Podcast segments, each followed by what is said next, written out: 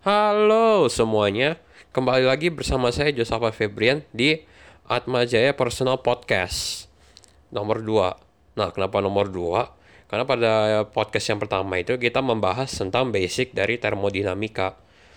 Maka lantas uh, pada yang kedua ini kita akan membahas tentang heat transfer. Sebelumnya heat transfer sendiri itu apa ya?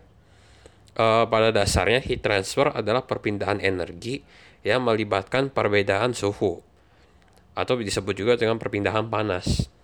Lalu, apa bedanya dengan termodinamika yang kita pelajari sebelumnya?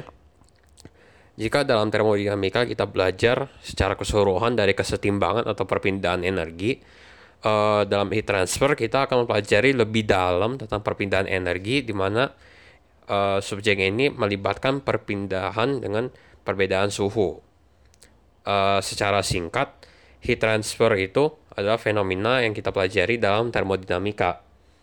Nah, perpindahan panas yang kita ketahui pun juga dibagi menjadi tiga jenis. Ada konduksi, konveksi, dan radiasi. E, konduksi sendiri adalah perpindahan panas melalui medium yang stasioner atau diam dengan menggunakan prinsip hukum Fourier. Contohnya adalah ketika kita memanaskan air dalam panci, tutup pancinya itu sendiri juga ikut menjadi panas. Lalu ada konveksi, di mana perpindahan panasnya melalui medium yang bergerak seperti fluida dan menggunakan prinsip hukum Newton's Law of Cooling.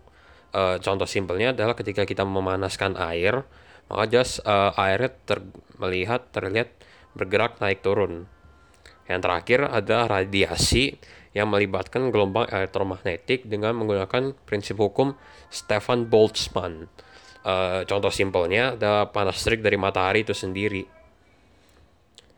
Baik, uh, saya kira sampai situ dulu.